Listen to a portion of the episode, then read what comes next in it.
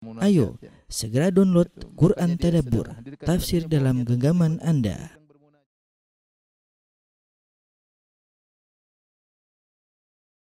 Bismillahirrahmanirrahim. Assalamualaikum warahmatullahi wabarakatuh.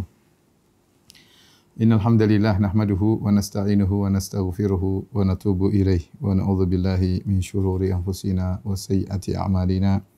May yahdihillahu fala mudilla lahu wa may yudlil fala hadiyalah. أشهد أن لا إله إلا الله وحده لا شريك له وأشهد أن محمدا عبده ورسوله لا نبي بعده. يا أيها الذين آمنوا اتقوا الله حق تقاته ولا تموتن إلا وأنتم مسلمون. يا أيها الناس اتقوا ربكم الذي خلقكم من نفس واحدة وخلق منها زوجها وبث منهما رجالا كثيرا ونساء. واتقوا الله الذي تساءلون به والأرحام إن الله كان عليكم رقيبا. يا أيها الذين آمنوا اتقوا الله وقولوا قولا سديدا يصلح لكم أعمالكم ويغفر لكم ذنوبكم. ومن يطع الله ورسوله فقد فاز فوزا عظيما. أما بعد فإن أصدق الحديث كتاب الله وخير الهدى هدى محمد صلى الله عليه وسلم. شر الأمور محدثاتها وكل محدثة بدعة وكل بدعة ضلالة وكل ضلالة في النار. Para ikhwan, para akhwat yang dirahmati oleh Allah Subhanahu wa taala, Bapak dan Ibu-ibu, yang dimuliakan oleh Allah Subhanahu wa taala, jemaah Masjid Tarbiyah Cilandak yang dirahmati oleh Allah Subhanahu wa taala. Eh, kita melanjutkan pembahasan kita setelah selesai dari pembahasan perang Badar. Sekarang kita akan bahas tentang kejadian-kejadian yang terjadi sebelum uh, perang Uhud karena antara perang Badar dengan perang Uhud ada sekitar uh, 11 uh, bulan ya atau sekitar setahun ya. Sekitar setahun antara perang Badar dan uh, perang Uhud. Uh,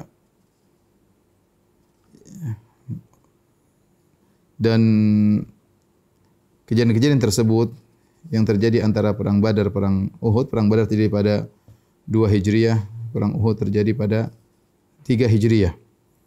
Ada beberapa kejadian yang penting yang perlu kita ketahui. Yang pertama di antaranya uh, wafatnya Ruqayyah bintu Muhammadin sallallahu alaihi wasallam. Ruqayyah putri Nabi sallallahu alaihi wasallam, istrinya Uthman bin Affan radhiyallahu taala anhu. Sebagaimana pernah kita jelaskan sebelumnya, Uthman bin Affan tidak diizinkan untuk ikut perang Badar karena dia diperintahkan oleh Nabi sallallahu alaihi wasallam untuk merawat istrinya yaitu Ruqayyah bintu Rasulullah sallallahu alaihi wasallam dan qadarullah ternyata Ruqayyah meninggal dunia Eh, tatkala selesai perang perang Badar sebagaimana pernah kita sampaikan pada pertemuan yang lalu Nabi mengirim dua orang sebagai pemberi kabar gembira di kota Madinah akan kemenangan Rasulullah SAW dalam perang Badar. Itu Nabi mengirim Zaid bin Harithah di antaranya ya.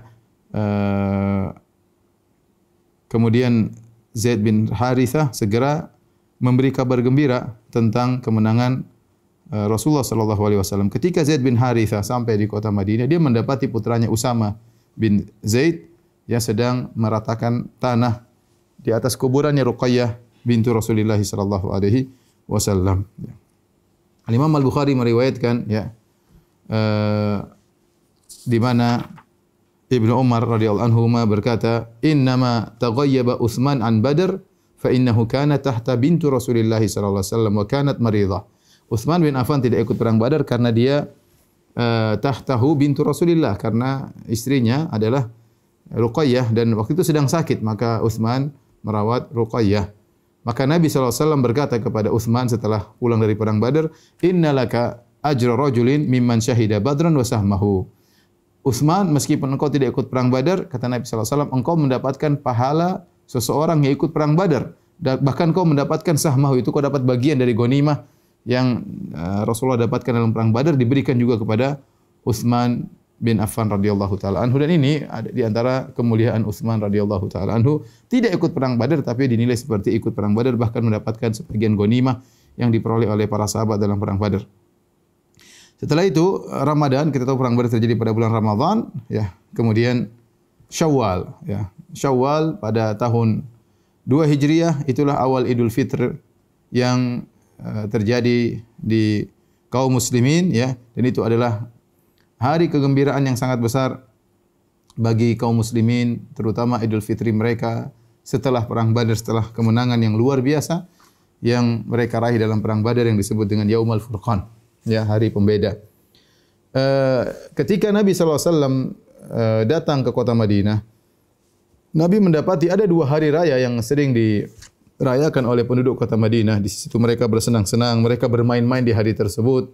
Ya, maka Rasulullah SAW ketika datang dan melihat situasi ada dua hari raya mereka, maka Nabi mengatakan Inna Allah qad abdalakum bihi khairan minhuma. Sungguhnya Allah telah menggantikan bagi kalian dua hari raya ini dengan dua hari raya yang lain lebih baik.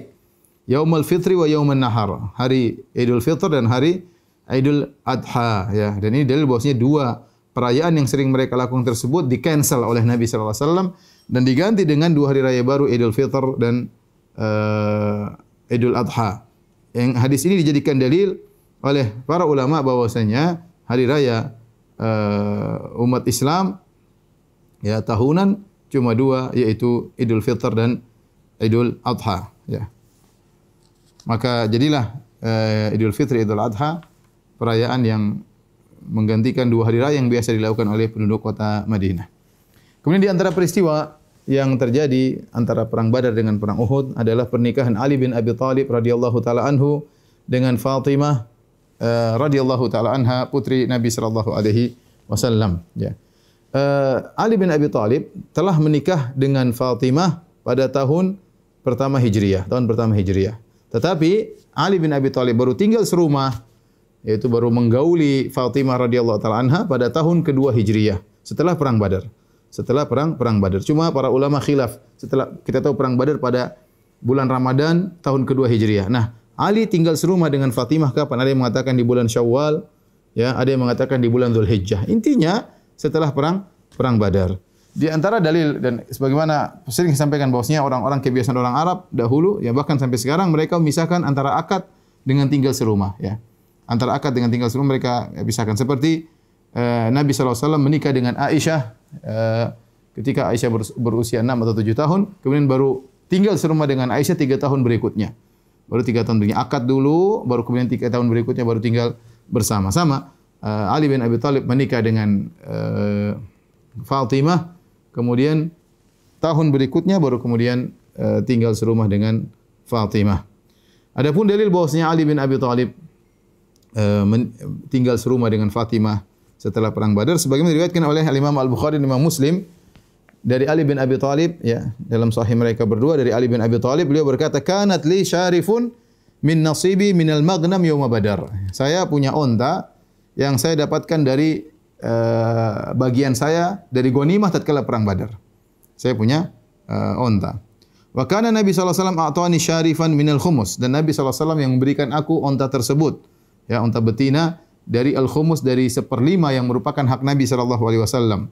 Falamma aradtu an abtaniya bi Fatimah binti Rasulillah tatkala aku ingin mengambil Fatimah untuk tinggal serumah denganku wa attu rajulan sawaghan min bani Qainuqa an yartahila ma'iya fanatiya bi idkhir aradtu an abi'ahu sawaghin maka aku waktu itu pergi bertemu dengan seorang sawag sawag tu ahli ahli apa namanya emas untuk membuat emas, menyengat emas, membentuk emas dari Yahudi Bani Qainuqa.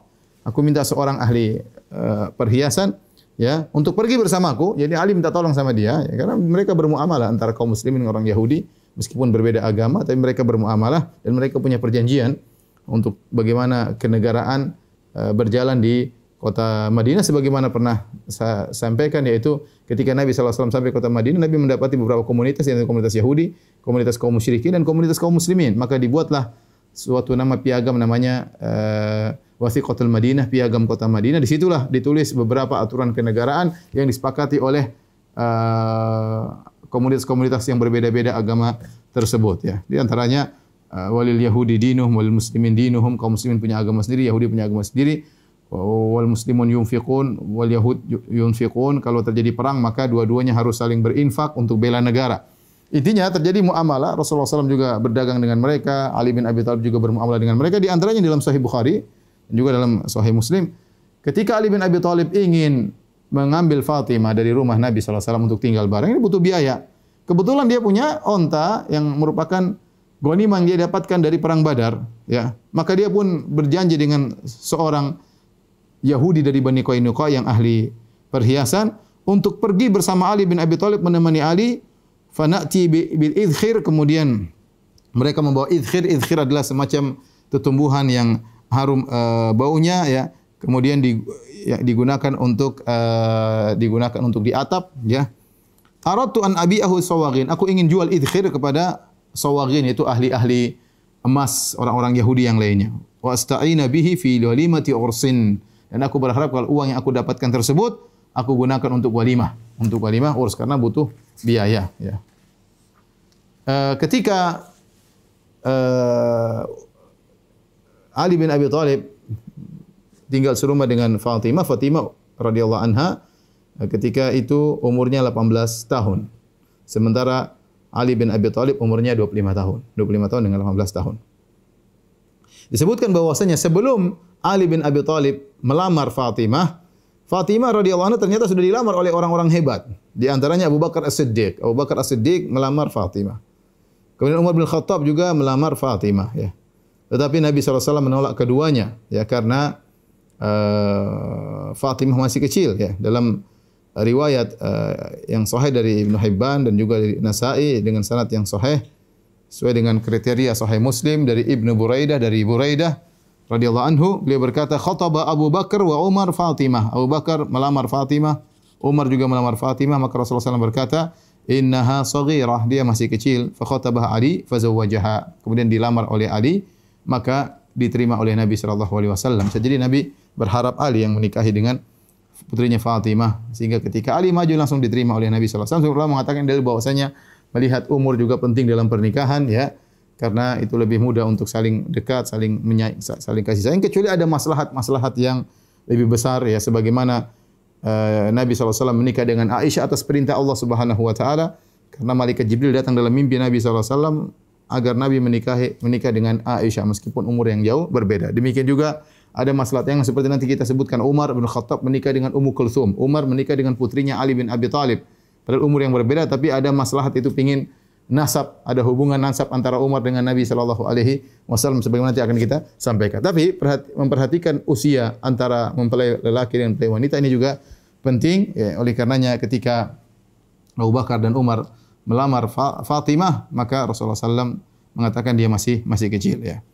Uh, demikian juga dalam datang dalam satu riwayat dengan sanad yang hasan dari uh, Buraidah dia berkata qala nafar min al-ansar li Ali sekelompok orang Ansar berkata kepada Ali indaka Fatimah ya, Fatimah apa ayo ngelamar lamarlah Fatimah intinya isyarat lamarlah Fatimah maka Ali bin Abi Thalib pun datang kepada Rasulullah SAW. Rasulullah ini sama Ali sepupuan kan Ali bin Abi Thalib Abi Thalib pamannya Nabi SAW. Nah, Muhammad bin Abdullah Ali bin Abi Talib, Abu Talib dan Abdullah bersaudara, satu ayah, satu ibu. Bapaknya Abdul Muttalib, kemudian sama-sama satu ibu, punya anak di antaranya Abu Talib dan Abdullah. Abdullah punya anak Muhammad sallallahu alaihi wasallam, Abu Talib punya anak Ali. Ya, hanya saja Ali sejak kecil bersama Nabi karena bapaknya Abu Talib miskin sehingga Nabi yang merawat Ali bin Abi Talib. Ya.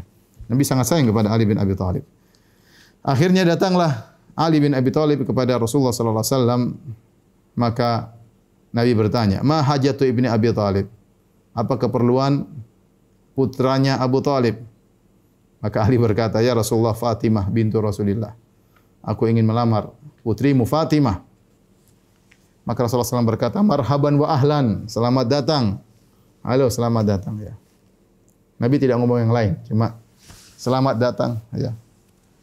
Selamat, ya, marhaban tu terhib yaitu ucapan apa namanya uh, hangat ya untuk mengucapkan selamat seperti kita.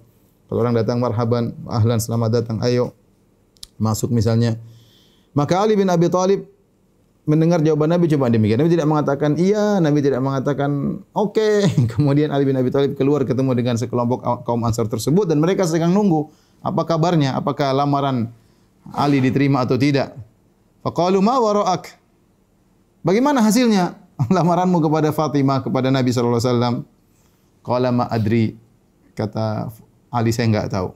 Walakinnahu qala li marhaban wa ahlan. Tetapi Rasulullah SAW berkata kepadaku marhaban wa ahlan.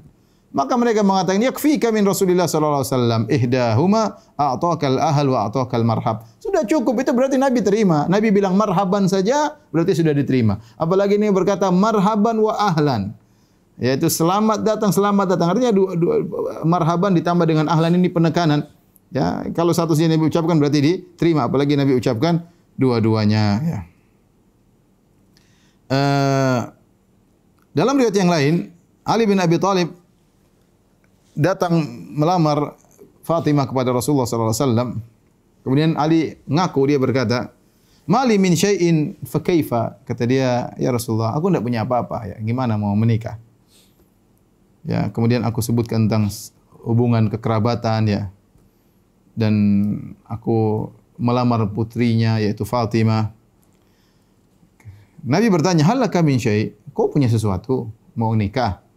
Mau akad nikah? Ya, mau akad nikah butuh mahar, butuh walimah. Qultu la, kata Ali tidak ada apa-apa. Maka Nabi ingatkan, "Fa aina dir'ukal hutamiyatu?"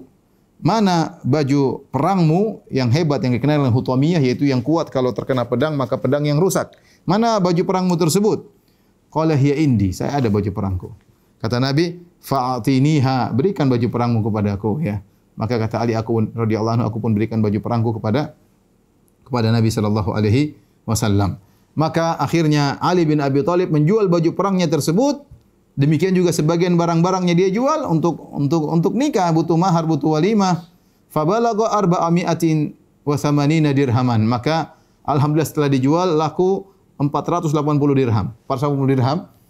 480 dirham itu kira-kira berapa? Kira-kira kalau kita katakan 12 dirham sama dengan uh, satu dinar, berarti 480 bagi 12 sama dengan 40 dinar. 40 dinar, satu dinar tu empat seperempat gram emas kali 4,25 sama dengan sekitar 170 gram. 170 gram emas kira-kira. Ini kira-kira uh, dikurskan kira-kira 170 gram emas. Ini cukup banyak ya.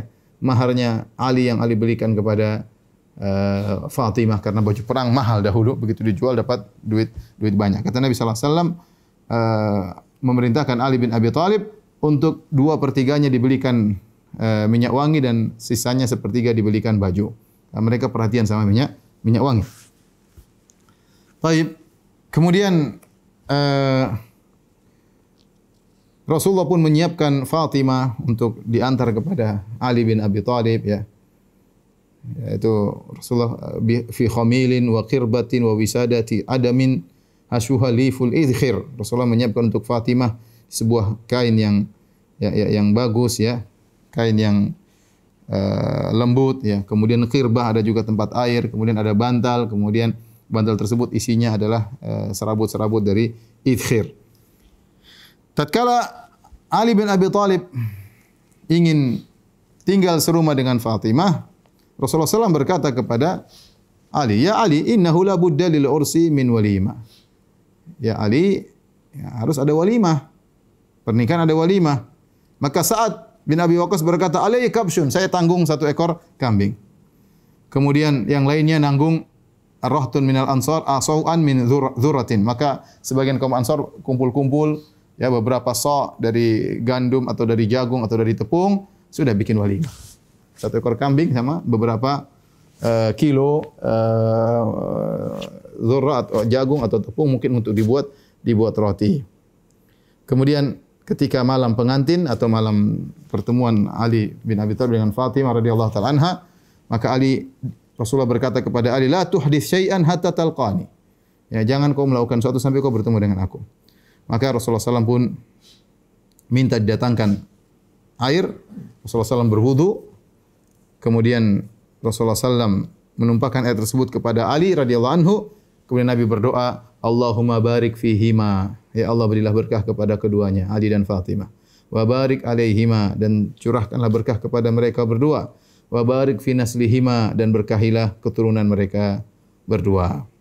Dari pernikahan Fatimah dengan Ali radhiyallahu taala anhu lahirlah beberapa anak. Yang pertama adalah Hasan, kemudian Al Husain, kemudian Muhassin, Ummu Kulthum dan Zainab. Jadi tiga anak laki-laki, Hasan, Husain, Muhassin, kemudian perempuan dua, Ummu Kulthum dan Zainab. Jadi lima anak Eh, tiga laki-laki, dua uh, dua perempuan. Yang pertama adalah Hasan yang paling tua. Oleh karenanya Ali bin Abi Thalib disebut dengan Abul Hasan ya, karena yang paling tua anaknya adalah Al Hasan bin Ali bin Abi Thalib. Kata Ali bin Abi Thalib radhiyallahu taala anhu, tatkala wulidal Hasan samaituhu harban. Ketika Hasan lahir, aku menamakan Hasan dengan harb. Harb itu artinya perang. Ya. Orang-orang Arab dahulu senang menamakan anak mereka dengan nama-nama yang sangar. Ya. Seperti uh, apa namanya? Harb. Harb artinya artinya uh, perang. Ya. Seperti Lais ya, seperti Fahad artinya macan, macan ya. Lais artinya serigala ya atau kemudian Hamzah singa. Mereka suka nama-nama tersebut karena orang-orang Arab dahulu terkenal terkenal dengan peperangan ya. Haidarah artinya singa ya. Oleh kerana ketika Ali bin Abi Thalib dalam perang dalam perang Khandaq, kemudian dia menakut-nakuti musuh dia berkata, "Ana allazi samatni ummi Haidarah." Kailaithi ghabatin karihil manzara. Ya. Aku adalah orang yang ibuku menamaiku dengan singa. Seperti singa yang menakutkan di tengah hutan yang menakutkan pemandangannya. Ini nakut-nakuti musuhnya ya. Makanya eh, nama-nama mereka terkadang nama-nama uh, yang menakutkan seperti sampai sekarang Fahad. Fahad macan ya macan. Kemudian misalnya Hamzah, kemudian misalnya uh, tadi Laith ya. Kemudian uh, ketika Hasan lahir, dia namakan Harb. Harb itu peperangan. Fajar Rasulullah SAW, Rasulullah SAW kemudian ingin lihat cucunya. Rasulullah berkata, Aruni ibni, mana putraku? Masa maitumuhu, apa yang kalian namakan dia? Kultu harban, aku namakan dia dengan harb. Faqala bal huwa Hasanun. Nabi bilang enggak, ganti dengan nama Hasan. Akhirnya ketika lahir yang berikutnya Hussein. Jadi Hasan dan Hussein ini bukan bukan kembar ya, jangan orang menyangka Hasan Hussein kembar tidak. Hasan dulu baru kemudian Hussein belakangan. Ketika lahir Hussein samaituhu harban. Ketika Hussein lahir aku namakan lagi harb ya. Ali senang punya nama-nama yang semangat peperangan. Harb. Perang artinya. Rasulullah SAW berkata, Aruni ibni, Rasulullah datang lagi tengok cucunya, tunjukkan kepadaku mana cucuku. Masa maitumuhu. Kalian kasih nama apa cucuku ini? Kultu harb. Kata Kata Ali bin Abi Thalib, saya namakan Harban, itu perang. Kata Rasulullah SAW, bal huwa Husain. Ganti. Ganti dengan apa? Husain. Ya. Tatkala lahir anak ketiga, Ali bin Abi Thalib masih semangat. Kasih lagi nama anaknya Harb. Anak laki-laki yang ketiga. Rasulullah SAW datang lagi tengok cucunya yang ketiga. Aruni ibni, mana cucuku?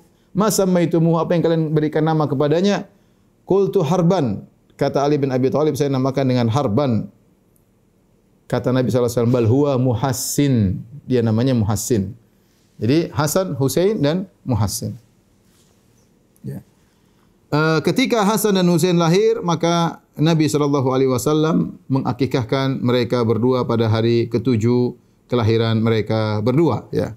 Datang dalam riwayat ya dari Ibn Hibban radhiyallahu taala anhuma uh, dari Ibn Hibban dalam sahih dalam sahihnya Al Hakim dengan dengan sahihnya juga dalam sanad yang hasan ya. Dan ini juga uh, riwayatkan oleh Abu Dawud ya. Dari Aisyah radhiyallahu taala anha qalat Aisyah berkata aqqa Rasulullah sallallahu alaihi wasallam an Hasan wa Husain yaum sabi.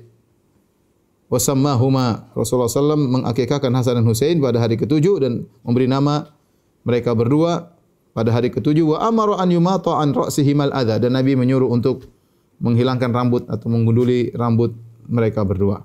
Dan Abu Dawud, maaf Abu Dawud tadi Ibnu Hibban dan Hakim yang riwayat berikutnya dari Abu Dawud dengan sanad yang sahih disahkan oleh Syekh Al-Albani rahimahullah taala.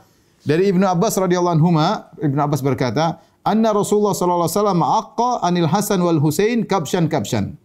Rasulullah sallam mengakikahkan Hasan dan Husain seekor kambing seekor kambing. Yaitu Hasan seekor kambing Husain seekor kambing. Ini dibahas oleh para ulama. Karena kita tahu uh, sunnahnya adalah dua ekor kambing ya syatani mukafaitani ya kata Nabi sallallahu alaihi wasallam diakikahkan dua kambing yang yang, yang setara ya untuk laki-laki. Kalau perempuan baru satu ekor kambing. Tetapi kenapa dalam hadis ini uh, disebutkan Nabi mengakikahkan Hasan satu ekor kambing dan Husain juga satu ekor kambing. Datang dalam sebagian riwayat dikatakan kapsyaini kapsyaini dua ekor kambing dua ekor kambing ya. Tetapi sebenarnya mengatakan eh, hadis yang seekor kambing seekor kambing juga kuat dan ini dalil bahwasanya Allah berfirman, "Fattaqullaha masata'tum," bertakwalah semampumu. Kalau seorang kebetulan tatkala hari ketujuh, hari akikah, dia tidak punya uang kecuali hanya untuk beli seekor kambing, dia boleh akikah seekor kambing saja, boleh. Ya. Kemudian dia ingin akikah yang kedua lain waktu enggak ada masalah dan itu pendapat para ulama ya karena bisa dicicil satu dulu enggak punya duit ya.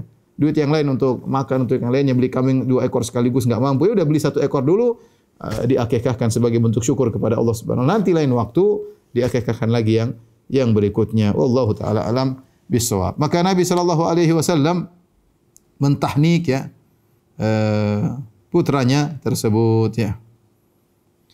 Adapun Hasan ya cucunya tersebut Hasan dan Husain. Adapun Hasan bin Ali bin Abi Thalib radhiyallahu anhu ya uh, putra dari Ali dan putra dari Fatimah Az-Zahra ya uh, lahir pada pertengahan Ramadan atau bulan Sya'ban pada tahun 3 Hijriah yaitu Ali dan Fatimah uh, tinggal serumah pada tahun 2 Hijriah ya.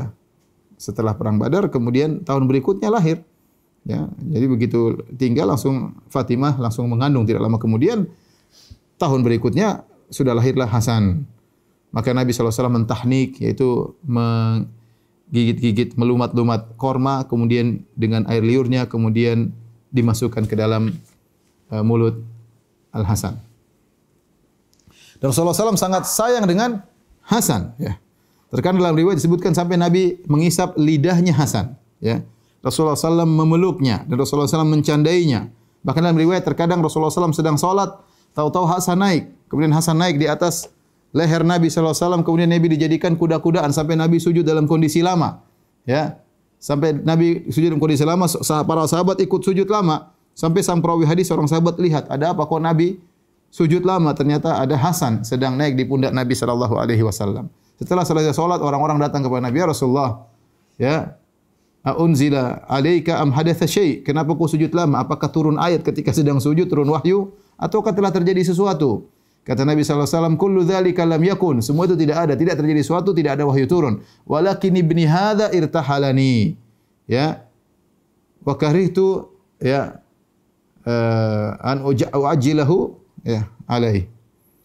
Uh, kata Rasulullah tidak ada terjadi apa-apa tapi ini cucuku jadikan aku apa tunggangan dan aku tidak ingin mengganggu dia lagi enjoy main kuda apa kuda-kudaan di atas Nabi sallallahu alaihi wasallam maka Nabi sujud lama Begitu sayangnya Nabi kepada cucunya sampai para sahabat juga ikut sujud lama jadi korban karena Hasan naik di atas Nabi sallallahu alaihi wasallam. Ini menunjukkan bagaimana sayangnya Rasulullah SAW kepada Hasan. Demikian juga putra yang lain, cucunya yang lain Al Husain.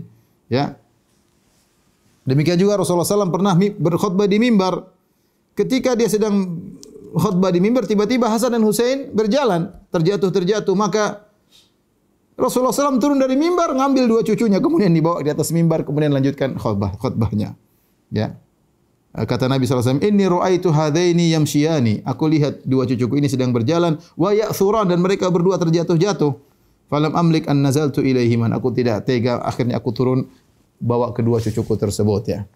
Al-Hasan bin Ali bin Abi Talib. Ya.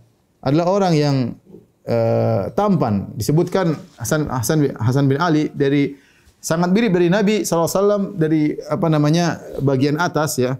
Adapun dari bagian bawah yang mirip dengan Nabi adalah Al Husain. Tapi kalau bagian dada ke atas miripnya seperti Nabi adalah Al Hasan.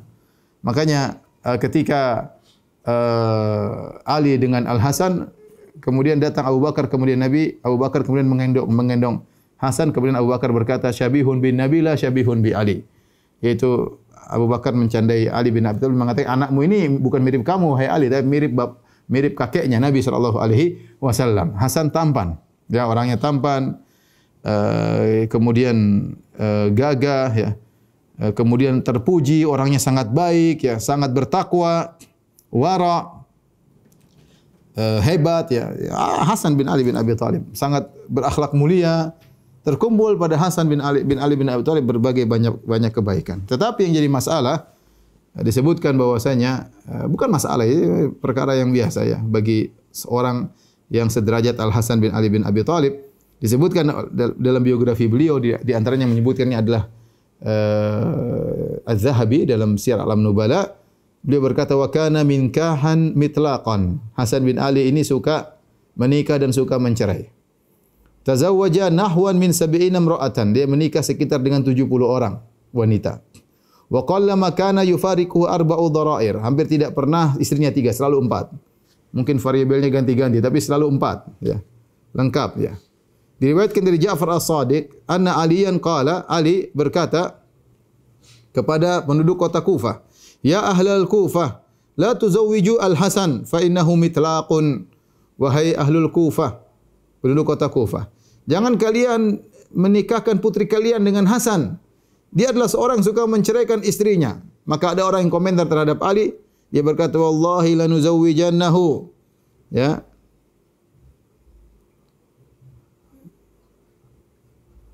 Fama radhiya amsaka wa ma kariha talaq.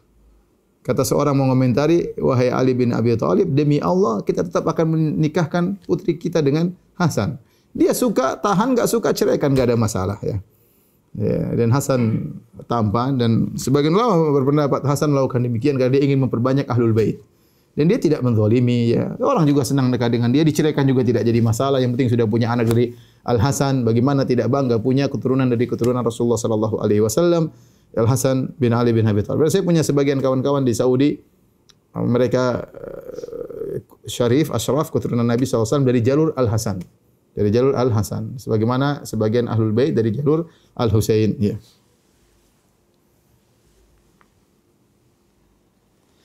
Demikian juga uh, Rasulullah sallallahu alaihi wasallam pernah uh, mencium Al Hasan kemudian beliau berkata ya uh, Allahumma inni uhibbuhu fa ahibbah. Ya Allah sungguhnya aku mencintainya, maka cintailah dia. Wa ahibba man yuhibbuh dan Allah cintailah orang yang mencintai Al Hasan bin Ali bin Abi Talib radhiyallahu taala anhu. Ya. Rasulullah SAW dalam Sahih Bukhari dari hadis Abu Bakar radhiyallahu anhu pernah memuji Al Hasan. Ketika Nabi SAW sedang berkhutbah datang Al Hasan, maka Rasulullah SAW berkata, Inna bni hadha sayyidun sungguhnya cucuku ini adalah pemimpin. Wala Allah an yuslihu bihi an yusliha bihi baina fi'ataini azimataini minal muslimin. Dan semoga dengan sebab dia Allah akan mendamaikan dua kelompok besar dari kaum muslimin. Dan itu terjadi ya uh, yang dimaksud dengan dua kelompok besar dari kaum muslimin adalah pasukannya uh, Al Hasan bin Ali bin Abi Thalib dengan pasukannya uh, Muawiyah radhiyallahu taala anhu ketika Ali bin Abi Thalib meninggal dunia maka yang diangkat jadi khalifah adalah Al Hasan ya. Sementara Muawiyah punya pasukan banyak di Syam, maka kemudian Hasan datang dengan pasukannya yang besar, kemudian Muawiyah juga dengan pasukan yang besar. Ketika mereka bertemu, maka Hasan tanazala ya anil khilafah. Maka Hasan menyerahkan khilafah kepada Muawiyah bin Abi Sufyan. Dan ini menunjukkan akhlak yang mulia dari Hasan. Ya, dia seorang pemberani, dia tidak penakut ya. Dia tidak, tapi dia ingin persatuan kaum muslimin. Sehingga tahun tersebut disebut dengan Amul Jamaah, tahun persatuan. Di antaranya karena pengorbanan Hasan. Dia tidak tamak dengan kepimpinan. Dia tidak tamak dengan penghormatan. Dia serahkan kepimpinan tersebut kepada Muawiyah radhiyallahu taala uh, anhu. Dan ini di antara kehebatan Al Hasan bin Ali bin Abi Talib. Dan Nabi mengatakan, Inna ibni hada sayyidun. Sungguhnya cucu ini adalah seorang mimpin dan dia akan mendamaikan dari dua kelompok besar dari kaum kaum muslimin. Ya dan ini ada hal yang adalah hal yang sangat uh, mengherankan bagi orang-orang Syiah. Kenapa? Orang Syiah paling anti Muawiyah. Mereka mengatakan Muawiyah kafir, Muawiyah kafir, Muawiyah kafir. Kerjaan mereka maki-maki Muawiyah. Sampai saya pernah ke kuburan Baqi, saya dapati sekelompok anak-anak Syiah, kemudian mereka menginjak-injak, memaki-maki, mereka menyangka itu kuburan Muawiyah. Maka mereka maki-maki laknat-laknat Muawiyah. Laknat-laknat Muawiyah di situ ya. Ya, mereka suka mengkafirkan uh, Muawiyah. Sementara orang-orang Syiah punya keyakinan bahwasanya seluruh imam-imam di imam mereka yang 12 di antaranya Ali, Hasan, Husain dan Hasan adalah imam kedua. Imam pertama Ali bin Abi Thalib, imam kedua Hasan. Kata mereka 12 imam mereka semuanya maksum. Maksum tidak mungkin melakukan kesalahan. Ini yang mereka yakini, maksum. Tetapi aneh, sekarang Hasan katanya maksum tidak punya melakukan kesalahan. Muawiyah kafir. Ini menurut keyakinan mereka. Sekarang kita berbicara dengan kacamata Syiah. Hasan maksum tidak mungkin salah. Muawiyah kafir. Nah, kenapa yang maksum ini menyerahkan kepimpinan kepada orang kafir? Ini teka-teki yang tidak pernah mereka bisa jawab. Berarti seharusnya Hasan tidak maksum atau Muawiyah tidak kafir. Adapun bergabung keduanya Hasan tidak mungkin salah, Muawiyah kafir, maka ini tidak mungkin terjadi. Bagaimana Hasan yang maksum menyerahkan pimpinan kepada orang kafir untuk mengimami kaum muslimin seluruhnya tatkala itu? Jadi mustahil. Yang benar bahwasanya Hasan tidak maksum dan Muawiyah tidak kafir, ya. Akhirnya sampai apa namanya sebagian orang Syiah tidak begitu mengagungkan Hasan, mereka lebih mendahulukan Husain padahal Hasan lebih mulia daripada Husain ya. Dua-duanya adalah cucu Nabi yang mulia tapi Hasan secara kedudukan lebih mulia daripada Husain radhiyallahu taala anhuma ajmain. Dan ini sebagai kebenaran dari sabda Nabi sallallahu alaihi wasallam sungguhnya cucuku ini adalah pemimpin yang akan mendamaikan dua kelompok besar dari kaum muslimin. Ini juga adalah tazkiyah rekomendasi dari Nabi wasallam berarti dua kelompok yang bertikai tersebut adalah sama-sama muslimin semuanya. Kelompok Muawiyah maupun kelompok Al Hasan. Ini juga dalil bahwasanya khalifah boleh diserahkan kepada orang yang mafdhul yang bukan lebih utama. Hasan tentu lebih utama ya. Dan masih ada sahabat-sahabat lain yang ikut perang Badar tatkala itu seperti Sa'ad bin Abi Waqqas tetapi diberikan kepada Muawiyah enggak ada masalah yang penting kaum muslimin sepakat angkat Muawiyah bukan dia yang paling terbaik tatkala tapi boleh dijadikan khalifah. Adapun wafatnya Hasan maka ada khilaf di kalangan para ulama ada yang mengatakan dia wafat sebagaimana biasanya ya.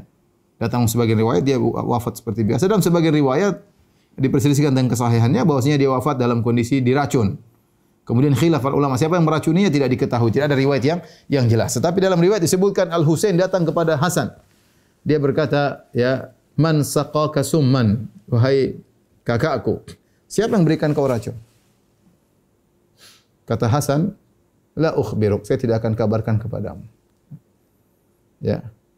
Akilu amrahu ila Allah. Aku serahkan urusannya kepada Allah Subhanahu wa taala. Maksudnya subhanallah Hasan tidak pendendam meninggal dalam kondisi diracuni akhlak mulia meninggalkan kekuasaan luar biasa ini akhlak cucu Nabi satu ini Al Hasan radhiyallahu taala semuanya uh, Hasan juga luar biasa dua-dua sama-sama luar biasa ya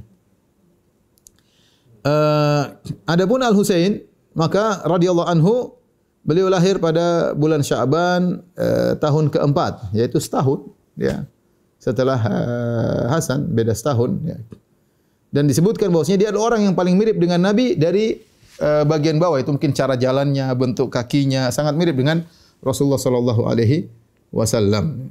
Ya. Ali bin Abi Thalib uh, pernah berkata Al Hasan asbahun nas bi Rasulillah ma baina sadr ila ras wal Husain asbahun nas bi Rasulillah ma kana asfala min dhalik. Hasan adalah orang yang paling mirip dengan Rasulullah dari dada ke atas. Adapun Husain adalah dari bagian bawah ini yang paling mirip dengan Rasulullah sallallahu alaihi wasallam. Dan kedua cucu Nabi SAW ini Hasan dan Husain pernah dipuji oleh Nabi. Kata Nabi SAW, Al-Hasan wal Husain, Sayyida Syababi Ahli Jannah. Hasan dan Husain adalah pemimpin para pemuda di surga. Pemimpin para pemuda di di surga. Dan kita tahu Al-Husain radhiyallahu anhu meninggal dengan dizalimi, mati syahid ya, pada tahun 61 Hijriah di Karbala di Irak ya. Pada hari uh, Jumat, hari Ashura ya, 10 Muharram ya, dan ketika itu beliau umurnya 58 tahun ya. Ceritanya panjang tapi intinya dia dibunuh dengan kezaliman uh, radhiyallahu taala anhu. Uh, adapun anak yang ketiga dari Ali dan Fatimah Muhassin bagaimana Muhassin? Muhassin meninggal dalam kondisi masih kecil ya. Kata Ibnu Hajar bahwasanya para ahli para ulama ahli sejarah sepakat bahwasanya Muhassin bin Ali bin Abi Thalib meninggal ketika dia masih kecil di zaman Nabi sallallahu alaihi wasallam. Adapun Hasan Husain meninggal setelah Rasulullah sallallahu meninggal, ya. Tetapi Muhassin lahir di zaman Nabi sallallahu dan meninggal ketika masih masih kecil. Adapun putri Ali bin Abi Thalib dengan Fatimah, Ummu Kulsum, kita bilang putrinya dua, Ummu Kulsum dan Zainab. Bagaimana Ummu Kulsum? Ummu Kulsum lahir sekitar pada tahun 6 Hijriah, ya. Uh, dia bertemu dengan Nabi sallallahu alaihi wasallam tidak meriwayatkan hadis dari Nabi wasallam, ya. Eh, kemudian Ummu Kulthum dinikahi oleh siapa? Oleh Umar bin Khattab radhiyallahu taala anhu ya. Bagaimana pernikahannya? Yaitu Umar bin Khattab datang kepada Ali bin Abi Thalib kemudian melamar Ummu Kulthum. Ummu Kulthum masih kecil, Ali, Ali Umar sudah cukup tua. Maka Umar berkata, "Angkihi angkihniha, nikahkanlah putrimu kepadaku." Ya kata Ali bin Abi Thalib, "Inni arsuduha li ibni akhi Abdullah bin Ja'far." Aku siapkan putriku ini untuk uh, putra saudaraku ya yaitu Abdullah bin Ja'far ya Ali punya saudara namanya Ja'far bin Abi Thalib Ja'far bin Thalib meninggal pada dalam perang Mu'tah ya kakaknya Ali ya dan Ja'far punya anak namanya Abdullah maka dia ingin nikahkan dengan sepupunya jadi anaknya Ummu Kulthum menikah dengan sepupunya sendiri Abdullah bin bin Ja'far ya seumur kemudian uh, sebaya maka Umar berkata angkihniha fa wallahi ma minan nasi ahadun yarsudu min amriha ma arsuduhu Kata Umar, nikahkanlah dia denganku. Tidak ada orang yang paling menunggu putrimu seperti aku. Ya, kata Umar bin Khattab. Fa'ata Umar, maka akhirnya uh, Umar pun dinikahi, dinikahkan oleh Ali dengan putrinya Ummu Kulthum. Setelah itu Umar datang kepada kaum muhajirin. Umar berkata, "Ala Tuhan Nuni, tidak kalian ucapkan selamat kepada aku?" Kata mereka, "Biman ya Amirul Mukminin?" Waktu itu Umar adalah khalifah, ya, Amirul Mukminin. Kau menikah dengan siapa? Kita mau ucapkan selamat nikah dengan siapa? Maka Umar berkata, "Bi Ummi Kulthum binti Ali." Umar bangga bisa menikah dengan putrinya Ali bin Abi Thalib. Ummu Kulthum binti Ali wa ibnati Fatimah binti Rasulullah. Saya menikah dengan Ummu Kulthum putrinya Ali dan saya menikah dengan uh, dengan Ummu Kulthum putrinya Ali sekaligus putrinya Fatimah putri Rasulullah sallallahu alaihi wasallam. Ini sami itu Rasulullah sallam yaqul aku mendengar Rasulullah sallam berkata kullu nasabin wa sababin yang qati'u yaumal qiyamah illa ma kana min sababi wa nasabi. Seluruh nasab dan seluruh hubungan terputus pada hari kiamat kecuali sab, uh, hubunganku dan nasabku. Fa ahbabtu an yakuna baini wa bain Rasulullah sallallahu nasabun wa sababun. Aku ingin ya aku punya hubungan dengan Nabi wasallam baik nasab maupun kalau tidak nasab ya dengan pernikahan. Ya. Dan ini juga kisah pernikahan uh, Umar dengan Ummu Kulsum juga membingungkan orang Syiah. Kenapa orang Syiah mengatakan Ali maksum? Karena imam yang pertama. Sementara mereka mengatakan Umar bin Khattab lebih kejam dari Fir'aun.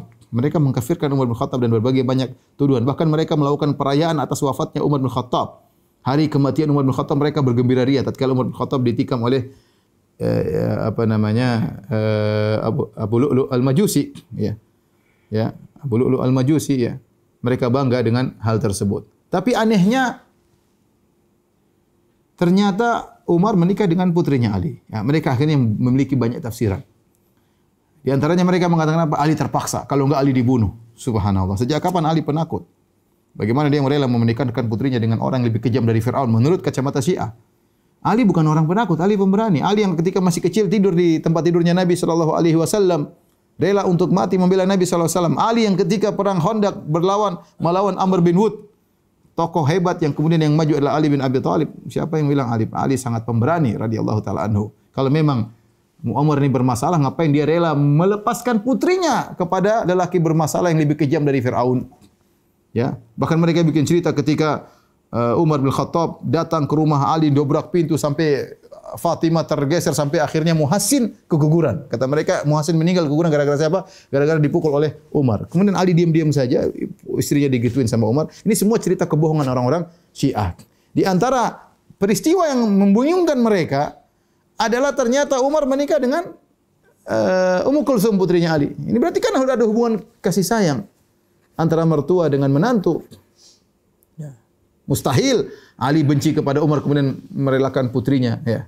Ada yang mengatakan enggak yang menikah dengan Umar adalah setan. Jadi Ali datang ke dukun kemudian minta datangkan akhirnya ada jin perempuan melamar menyamar jadi eh, menyamar jadi eh, putrinya Ali. Ini juga kebohongan luar biasa. Yang yang membantah ini semua ternyata pernikahan antara Umar dengan eh, Ummu Kulthum lahir seorang anak namanya Zaid bin Umar. Namanya Zaid bin Umar ya. Zaid bin Umar ya. Kemudian uh, setelah lahir Zaid bin Umar akhirnya Umar meninggal dunia ya. Kemudian akhirnya uh, Ummu Kulsum dinikahi dengan sepupu-sepupunya, anak-anaknya Ja'far. Setelah itu dinikahi oleh Aun bin Ja'far.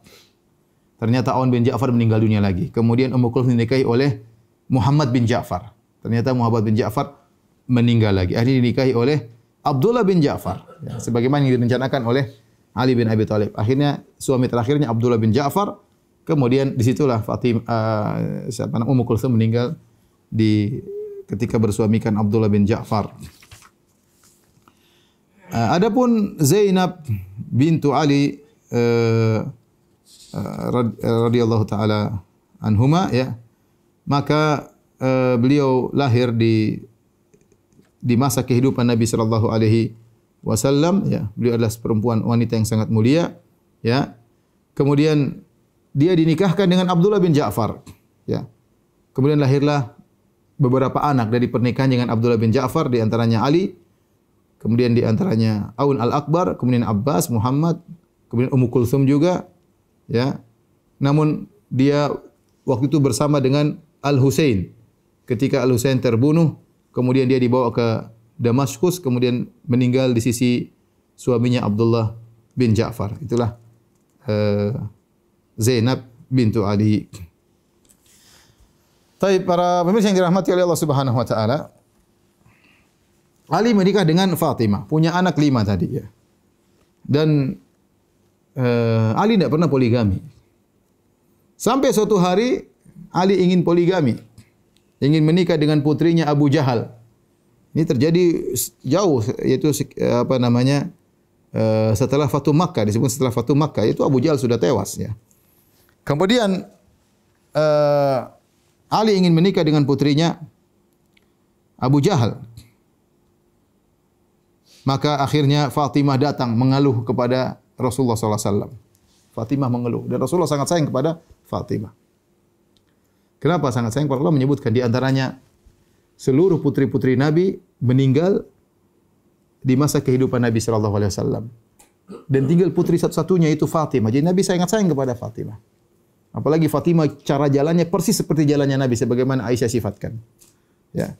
Kemudian yang berikutnya Fatimah diuji dengan ujian yang luar biasa itu meninggal bapaknya. Bapaknya meninggal di masa kehidupannya. Makanya Fatimah enam bulan setelah Rasulullah meninggal beliau juga meninggal dunia. Intinya ketika itu putri Nabi cuma satu Fatimah. Ya. Semua anaknya semua meninggal tinggal sini anaknya tinggal satu. Fatimah apalagi Fatimah dari Fatimah kemudian lahir cucunya Hasan dan Husain. Maka ketika Ali melamar, bahkan sudah melamar, melamar putrinya Abu Jahal. Abu Jahal sudah tewas. Maka Fatimah mengetahui, uh, suamiku melamar.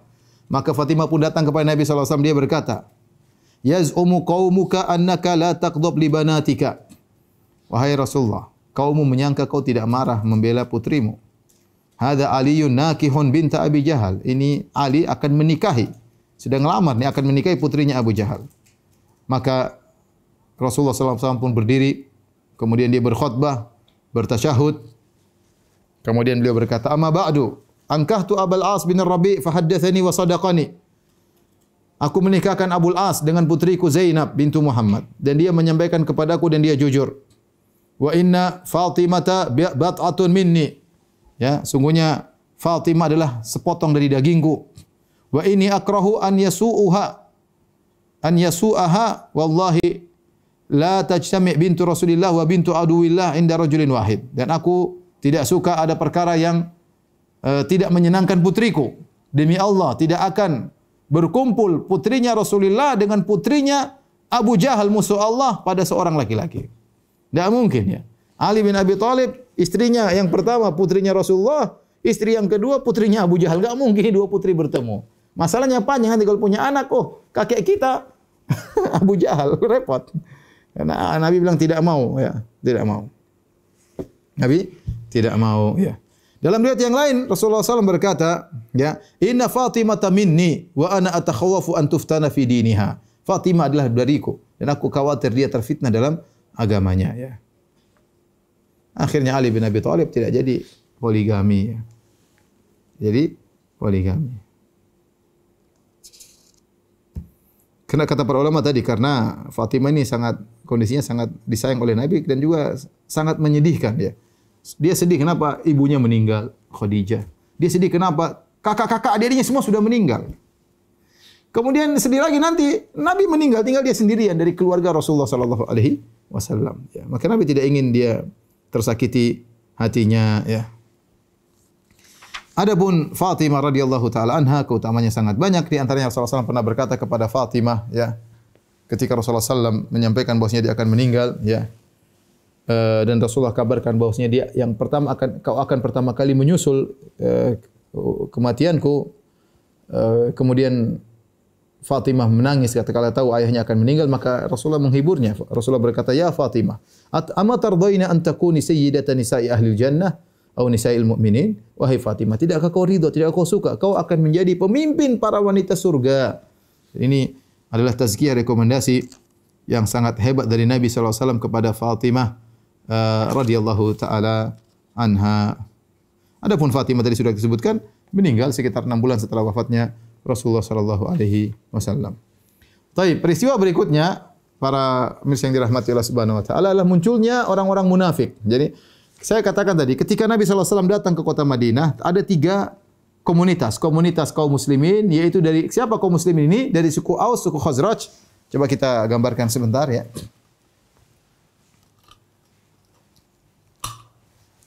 Jadi ketika ketika Nabi ke kota Madinah, Nabi sallallahu alaihi wasallam datang ke kota Madinah.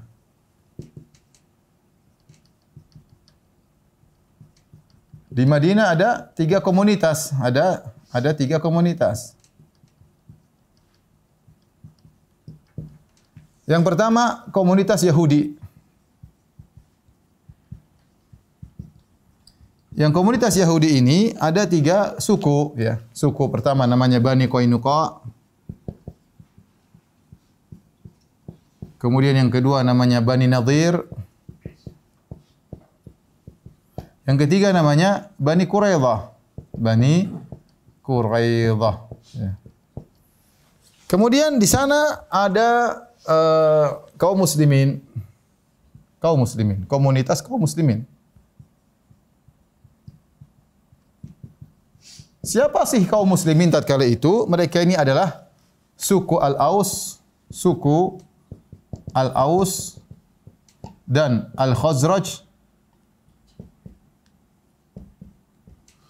yang masuk Islam, yang masuk Islam. Yang mereka disebut dengan kaum Ansar, kaum Ansar. Jadi Al-Ansar. Jadi kaum Ansar ini berasal dari suku Al-Aus dan suku Khazraj. Kemudian komunitas ketiga ada kaum musyrikin. Kaum musyrikin. Siapakah kaum musyrikin ini? Mereka adalah suku Al-Aus dan Al-Khazraj. Al-Khazraj yang belum masuk Islam, belum masuk Islam dan masih menyembah berhala. Masih menyembah berhala.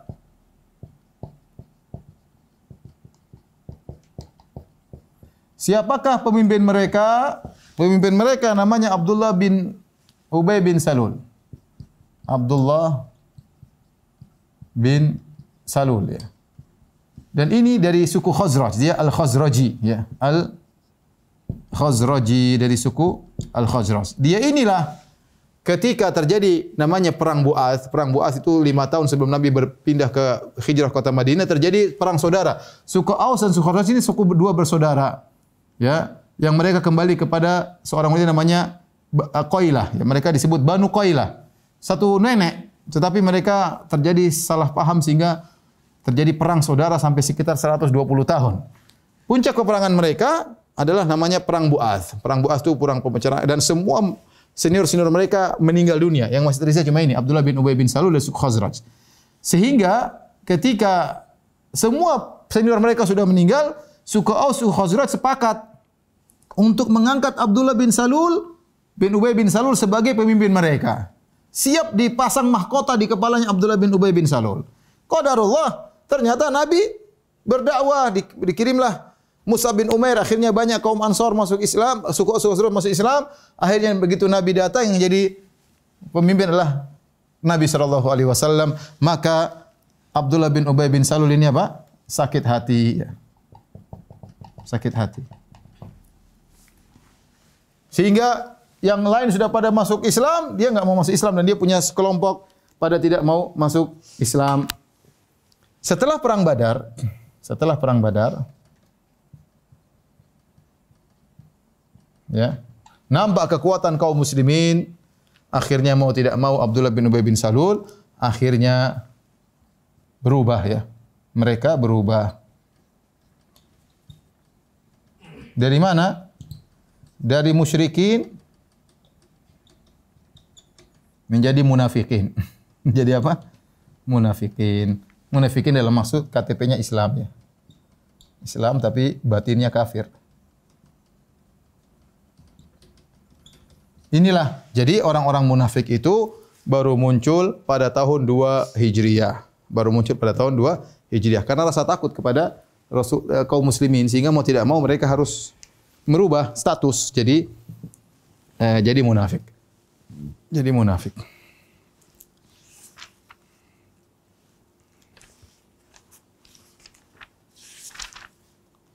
Baik, kita sampaikan kisah terakhir ya. Insyaallah tentang namanya Ghazwat Bani Qainuqa. Ya ini uh, apa namanya? Jadi ini komunitas Yahudi satu dua tiga. Yang pertama kali terusir ini. Ini nomor satu terusir, terusir. Nomor dua terusir Bani Nadir, terusir. Nomor tiga Bani Quraidah dibunuh. Ya, dalam perang Khandaq. Nanti akan kita sampaikan perang Khandaq tahun 5 Hijriah ya. Sebenarnya komunitas Yahudi ini ya mereka punya perjanjian damai ya, punya perjanjian damai. Perjanjian damai dengan siapa? Damai dengan kaum muslimin. Dengan kaum muslimin. Dengan kaum muslimin. Dalam uh, suatu perjanjian namanya Wathiqatul Madinah. Yang tadi sudah saya singgung-singgung namanya Wathiqatul Madinah ya. Ada risalah doktorat atau magister tentang wathaik uh, suatu perjanjian yang ada dalam sejarah Rasulullah sallallahu alaihi wasallam ya. Saya belum sempat baca tapi di antaranya Wathiqatul Madinah. Itu semacam perjanjian ya kesepakatan uh, kesepakatan uh, penduduk penduduk kota Madinah. Ya, bagaimana kalau ada musuh datang, apa yang harus mereka lakukan? Harus sama-sama berinfak untuk membela negara. Ya. Namun mereka semuanya berkhianat. Yahudi semuanya berkhianat. Yang pertama kali berkhianat, ya ini Bani Qainuqa. Ini yang pertama kali berkhianat. Kemudian yang kedua berkhianat Bani Nadir ingin bunuh Nabi sallallahu alaihi wasallam. Yang ketiga berkhianat dalam perang Khandaq membela kaum musyrikin ya. Maka yang pertama kali terusir adalah Bani Qainuqa, adalah Bani Qainuqa.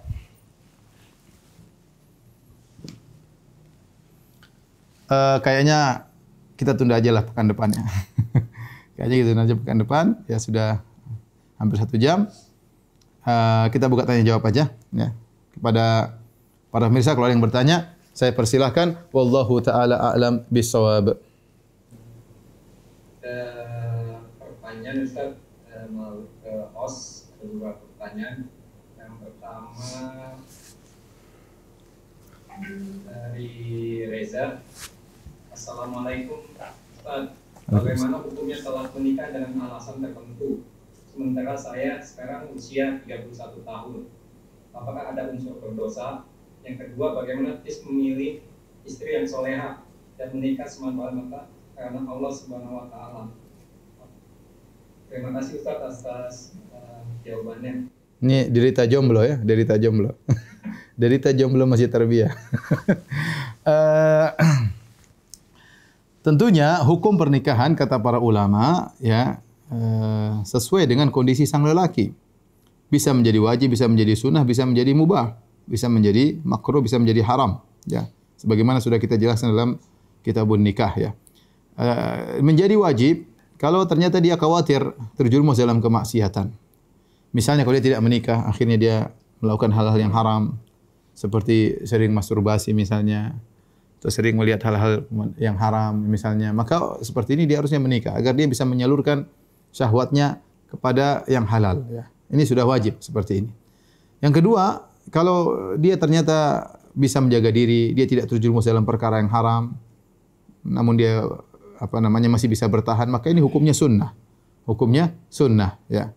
Yang ketiga, kalau ternyata ya tidak ada masalah, dia juga enggak terlalu berhasrat, enggak terlalu ini ya, maka hukumnya mubah hukumnya mubah bisa menjadi haram kalau dia menikahi seorang wanita dalam rangka menyakiti dalam rangka balas dendam misalnya dan yang lainnya tentu Allah Maha Maha tahu di zaman sekarang ini saya rasa cuma berkisar pada dua wajib atau atau sunnah apalagi dengan uh, tersebarnya syahwat di zaman seperti ini apa namanya pemandangan bangan yang membuat syahwat bergejolak maka seorang berusaha menyelamatkan dirinya untuk segera Uh, menikah. Dengan pernikahan tersebut insya Allah diberkahi, dia punya anak dan kemudian anak-anak yang soleh akan mendoakan dia dan seterusnya.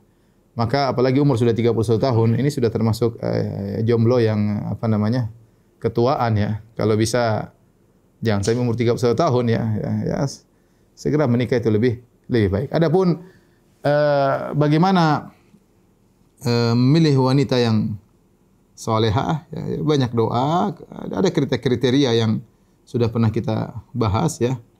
Nanti bisa dinonton kembali tentang bagaimana proses ta'aruf yang benar. Ada cari di YouTube Ustaz Firanda, kemudian ta'aruf yang benar. Mudah-mudahan situ bisa jadi pencerahan. Tetapi intinya berdoa kepada Allah. Karena sebagaimana dikatakan sebagian ulama, kesolehan wanita sungguhnya tidak ketahuan kecuali setelah dalam pernikahan. Nah, dia bisa menampakkan dirinya soleha. Kita enggak tahu ya. Tahu-tahu begitu menikah ternyata kurang ajar ya. ternyata suka mencak-mencak, ternyata tidak bersabar, terlalu banyak nuntut, matre dan lain-lainnya sudah musibah ya. ya. Tetapi di antara cara yang bisa kita lakukan dengan cari informasi. Tanya kepada orang-orang yang dekat dengan dia, tanya orang yang tidak suka dengan dia bagaimana si fulana, ya informasi apa ya semampunya dan ingat tidak ada yang sempurna. Tidak ada yang sempurna. Dia kalau dilihat dia kelebihannya banyak, kekurangan sedikit, maju aja bismillah taala. Itu pun maju belum tentu diterima lamarannya. Pertanyaan berikutnya.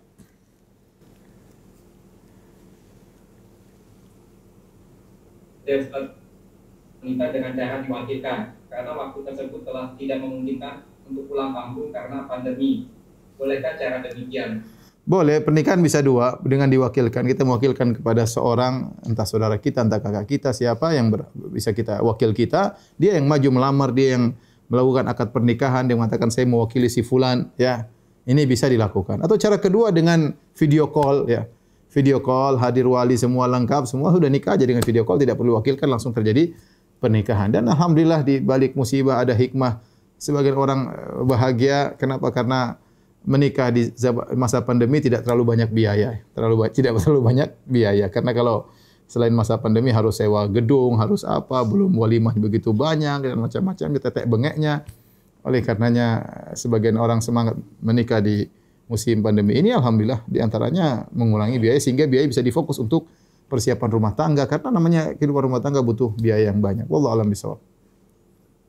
Pertanyaannya tentang pernikahan terus nih Pak. Ini jomblo-jomblo semua ini yang nonton kayaknya. Tayyib silakan. Selanjutnya, uh, Anda mau bertanya Ustaz, jika Anda menawarkan diri untuk dinikahi oleh calon suami yang dulu gagal menikah, tapi Anda belum tahu apakah calon yang dulu ini sudah benar-benar hijrah atau belum. Uh, jika dia bersedia, bersedia lagi dengan pernikahan, apakah yang harus dilakukan memastikan bahwa Ivan ini sudah hijrah? Uh, tidak jadi masalah seorang menawarkan dirinya untuk dinikahi oleh seorang lelaki yang soleh.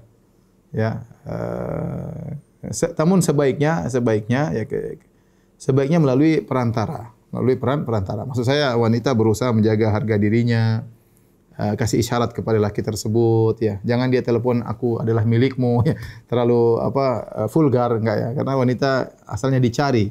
Ya laki yang mencari maka bisa dengan lewat kakaknya atau lewat temannya dengan memberi isyarat agar sang lelaki mau melamar dia.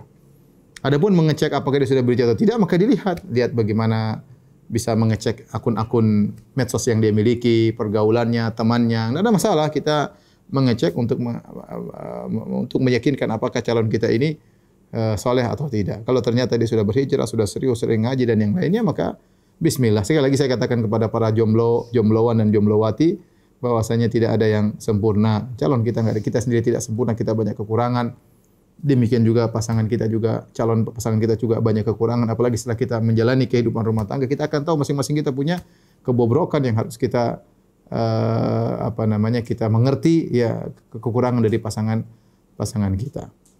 Tapi ini semua kita bicara masalah sirah apa hubungannya dengan apa namanya masalah jomblo. Oh, mungkin karena status apa pernikahan Ali bin Abi Thalib dengan Fatimah maka digatok-gatok kan maka jomblo-jomblo semangat bertanya. Silakan pertanyaan berikutnya pertanyaan selanjutnya dari Abu Musa di Riau. Hmm.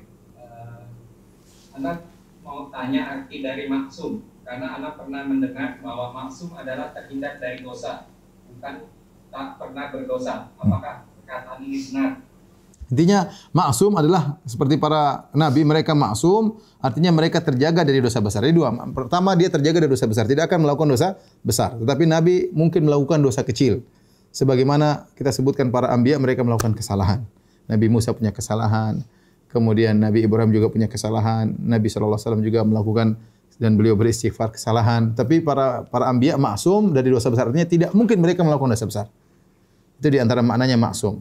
Kemudian uh, mereka juga maksum dari sisi menyampaikan syariat ya. Tidak mungkin syariat yang mereka sampaikan salah. Ya. Tidak mungkin syariat kalau mereka tidak mungkin yang disampaikan adalah salah ya.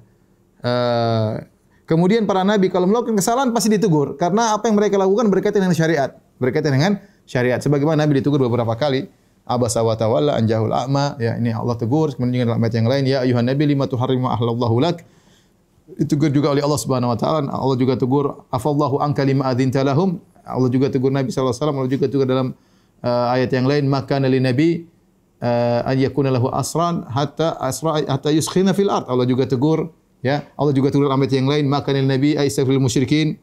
Walau kan makan nabi waladina amanu yastaghfirul musyrikin. Walau kanu uli qurba sekitar lima tadi saya sebutkan di mana nabi pernah ditegur oleh Allah Subhanahu wa taala. Itu di antara bukti kemaksuman Nabi sallallahu alaihi wasallam. Adapun kita tidak ada yang maksum. Karena kalau kita melakukan kesalahan enggak ada yang tegur.